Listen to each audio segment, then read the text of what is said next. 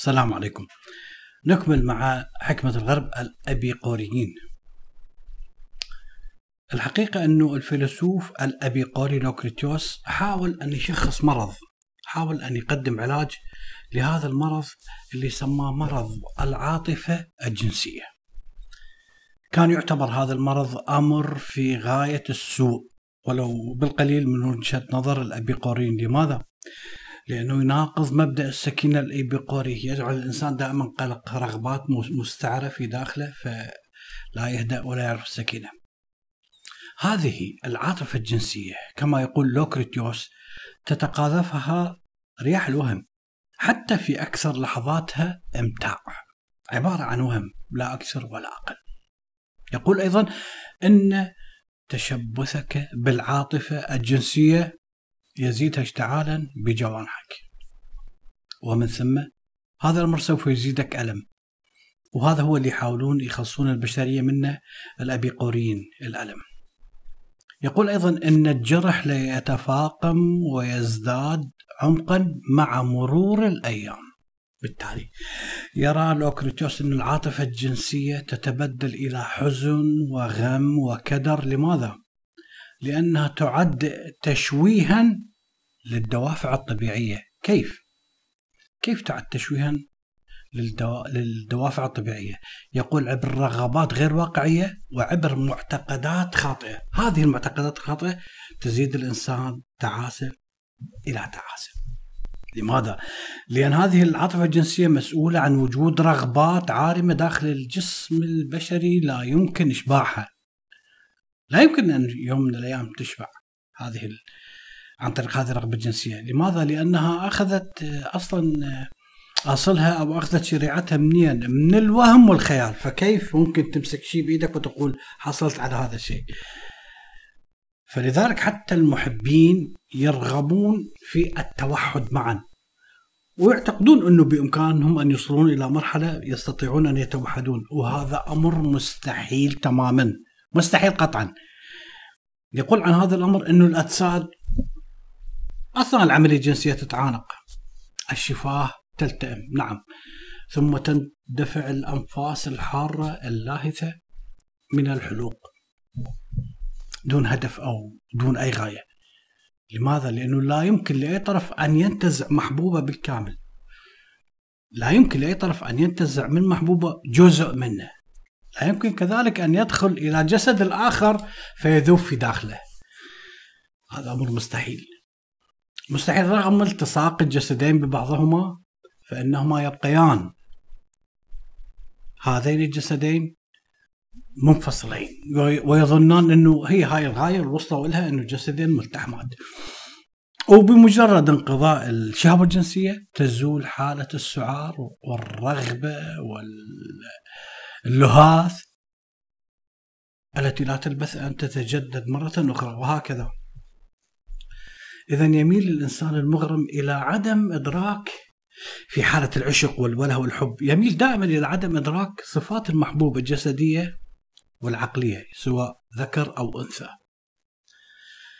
فترى أن المحبوب يتغنى بمحبوبة بكل الصفات الحميدة. يجد أنه يحتوي على صفات حميدة فقط ويغض الطرف عن كل العيوب الموجودة في هذا المحبوب. هذا في ماذا سوف يتسبب؟ هذا الأمر سوف يتسبب في اضطراب وإحباط وقلق وشك. هذا الشك اللي تخالطه الغيرة. إذا لكي يؤدي أيضا إلى تدهور الصحة وإهمال الأعمال الواجب أدائها. وبحيث هذا الإنسان يصبح محبط سوف تؤدي إلى أمور أخرى. كل هذه الأمور التعلق بخيال أو وهم يؤدي إلى ضياع حتى المال حتى الوقت حتى تشويه السمعة. هذه هي النتائج. طيب ما هو الحل؟ يقول أنه الحرمان الحرمان في رأيه هو الحل الأمثل. لوكريتيوس هذا وليس بقر. الحرمان هو الحل الأمثل لمشكلة العاطفة الجنسية.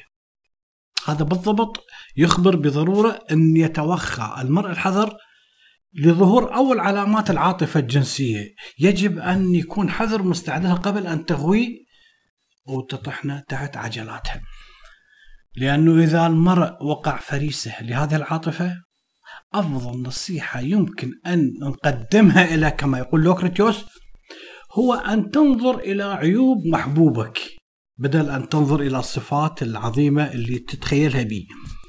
انظر إلى عيوبه أو تخيل عيوب من عقلك وألطشها به كما نقول وأوليها النصيب الأوفر من تركيزك. فإذا كنت أيها الحبيب ترى في محبوبك روح عظيمة جميلة.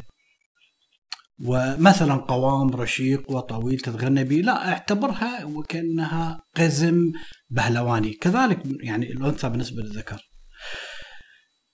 مثلا إذا كنت ترى محبوبتك إنسانة رقيقة تخيلها بينك وبين نفسك إنسان شبه ميت مصاب بالسعال. إذا كنت تميل إلى وصفها أو ترى إنه محبوبتك على سبيل المثال تذيب القلب رقة وشوقا صاحبة ألق يشبه ألق الجواهر لا. تخيل أنه قد تكون امرأة سليطة اللسان قد تكون عصبية جدا صعب ترويضها. هذه نصائح يقدمها لوكريتيوس مع ذلك ينصحه أن يضع جميع هذه الأشياء دائما نصب عينه حتى لا تسرح في خيالات وفي أوهام. هاي ممكن تنعكس عليك على صحتك أموالك وقتك سمعتك. طيب ماذا لو كانت فعلا المحبوبة فيها كل الصفات العظيمة؟ محبوبة فيها كل الصفات الجسدية والشكلية والنفسية والروحانية. نموذج طيب تستحق المدح والثناء. يقول لوكريتيوس في هذه الحالة يجب عليك أن تتذكر أن هناك الكثير من أمثالها كثير من النساء موجودات يعني وأيضا أنت قبل أن تتعرف عليها كنت عايش حياتك طبيعية. إيش معنى بعد أن رأيتها؟ آه، أصبحت يعني قيس بن الملوح عادي يعني امرأة حال حال الأخريات. أخيرا لوكريتوس الأبيقوري ينصح هذا الإنسان العاشق أنه لا ينسى أنها مهما كانت تمتلك من صفات عظيمة هي ما تختلف عن أي أنثى أخرى بصفاتها التكوينية. ما تختلف عن أي وحدة من بنات جنسها. هذه نصائح يقدمها لوكريتيوس للمحب. فلا يمكن للعاطفة بعدها أن تنجو من هذه المصائد. اذا من النصائح المهمة الأخرى التي يقدمها لوكريتيوس للعشاق يقول انثر بذور الحب على أشياء أخرى.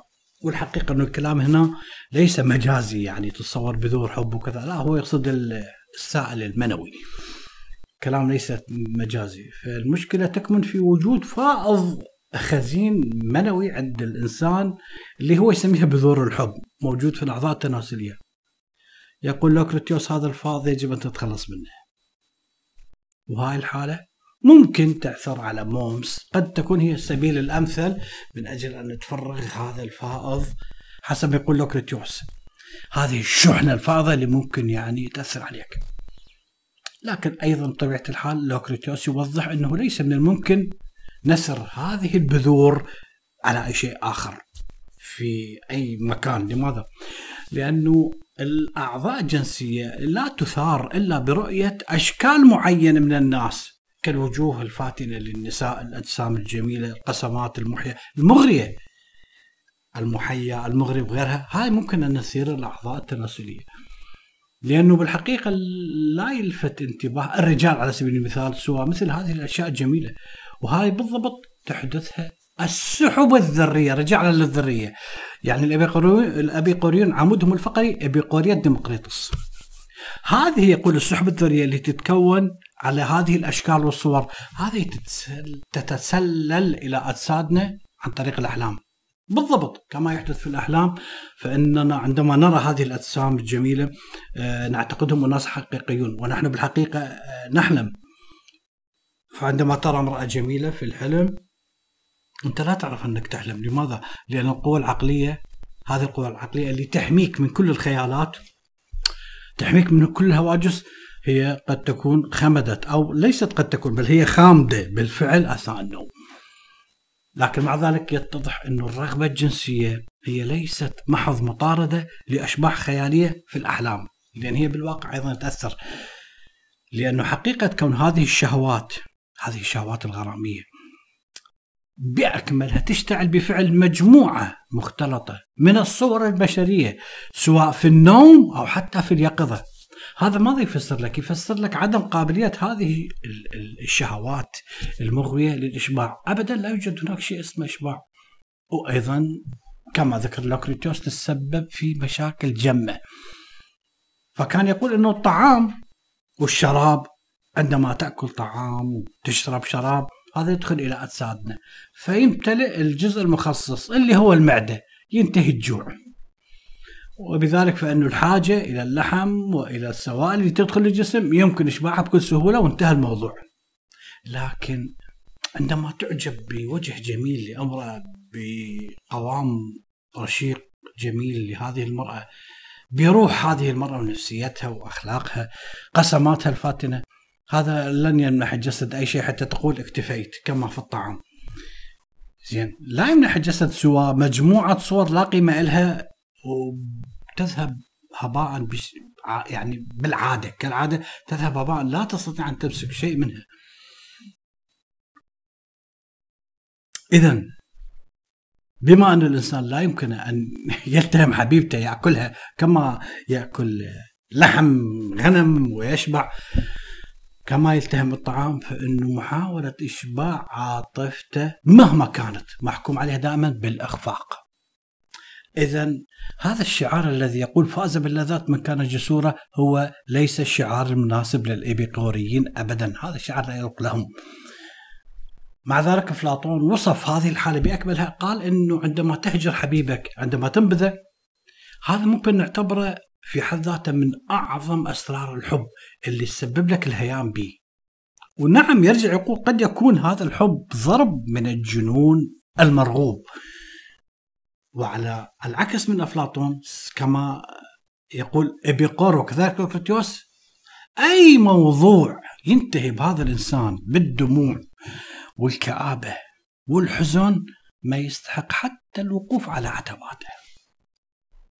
هؤلاء الإبيقوريين دائما يبحثون عن السكينة والهدوء. إذا هذه الأبيقورة الذرات الديمقراطيسية سوف يتطلب الأمر إدخال تغييرات عليها الديمقراطيسية هذه النظريات بأكملها يجب أن يقوم الايبيقوريون بإدخال نظرات آه، تغييرات العفو على هذه الذرات. من أجل أن يستخدموها ابيقور لوكريتوس في تفسير العالم لهذه الحالات المرضية المصابين بالحيرة والأضطراب والقلق.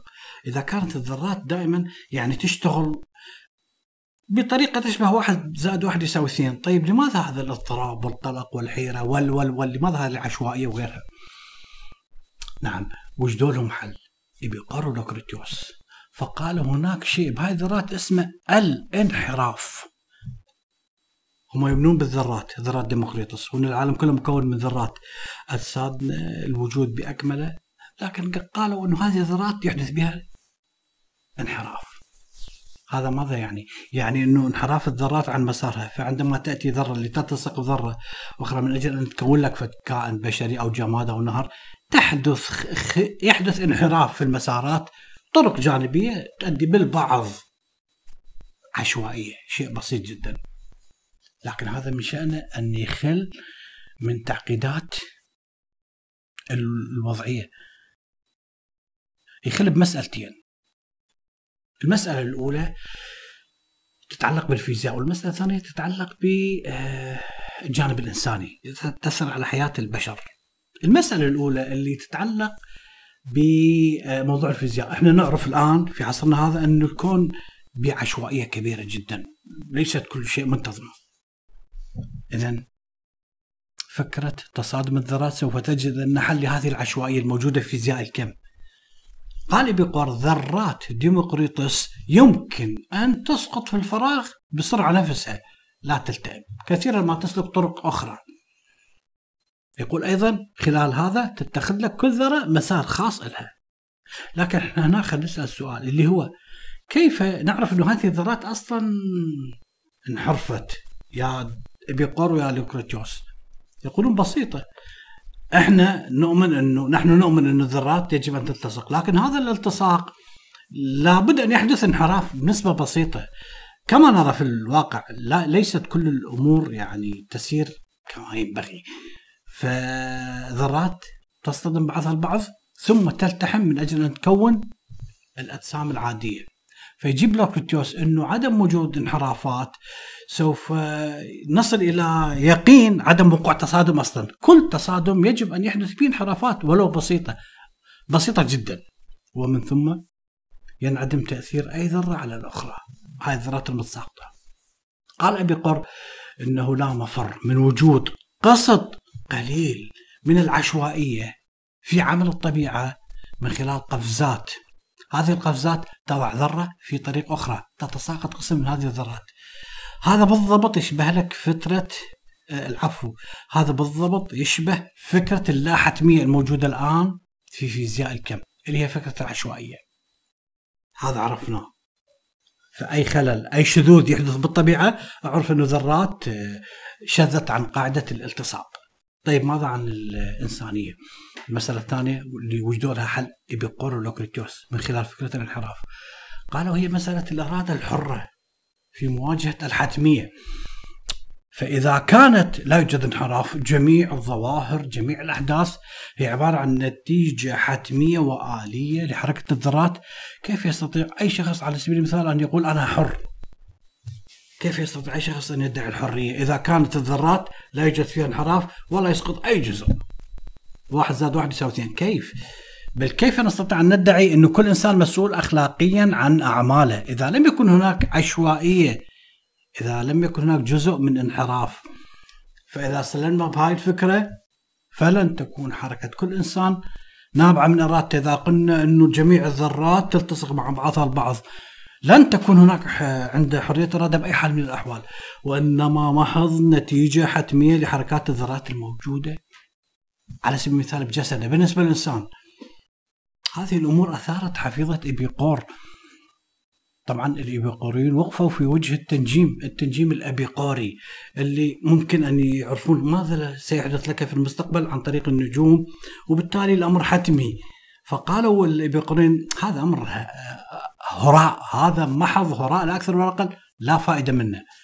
طيب هم رفضتوا التنجيم ورفضتوا آلهة الإغريق كلها. ما بقى عندكم غير فقط النظر النظرية الذرية هذه النظرية اللي جعلت لك المستقبل أيضا مكشوف.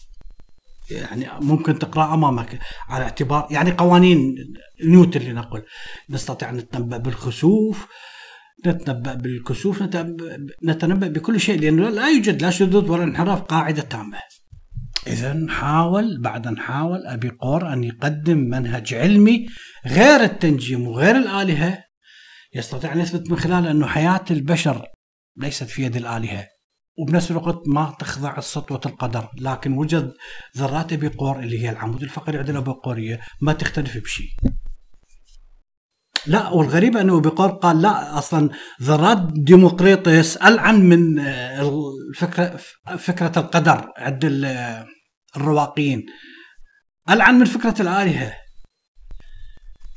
ليش؟ لماذا؟ يقول من الأفضل أن نكون أسرى لفكرة الآلهة هذه الفكرة الأسطورية في عالم الأساطير على أن نكون عبيد لفكرة القدر. عند الفلاسفة الطبيعيين عند ديمقريطس على الأقل أنت عندما تتعبد الرب العالمين وتدعي يا رب اشفيني من المرض ارزقني. بيها مجال منا منا يعني يستجيب لك. بيها مجال واحد بالمليون بالمليار. ممكن الآلهة تستجيب لك وتغير لك قوانين الطبيعة على مود حضرة جنابك. ممكن تشفيك من الأمراض ممكن آه، أي أمر خاطئ من البداية بحياتك تصلح لك اياه لكن تعال إذا قلت إنه هذا لا أمر حتمي آه، عن طريق الذرات كيف؟ هنا هاي المشكلة لا سبيل للفكاك منها. تنتهي الحلقة تبقى عندنا حلقتين أو حلقة واحدة فقط عن الابيقوريه بعدها الرواقية، شكرا لكم.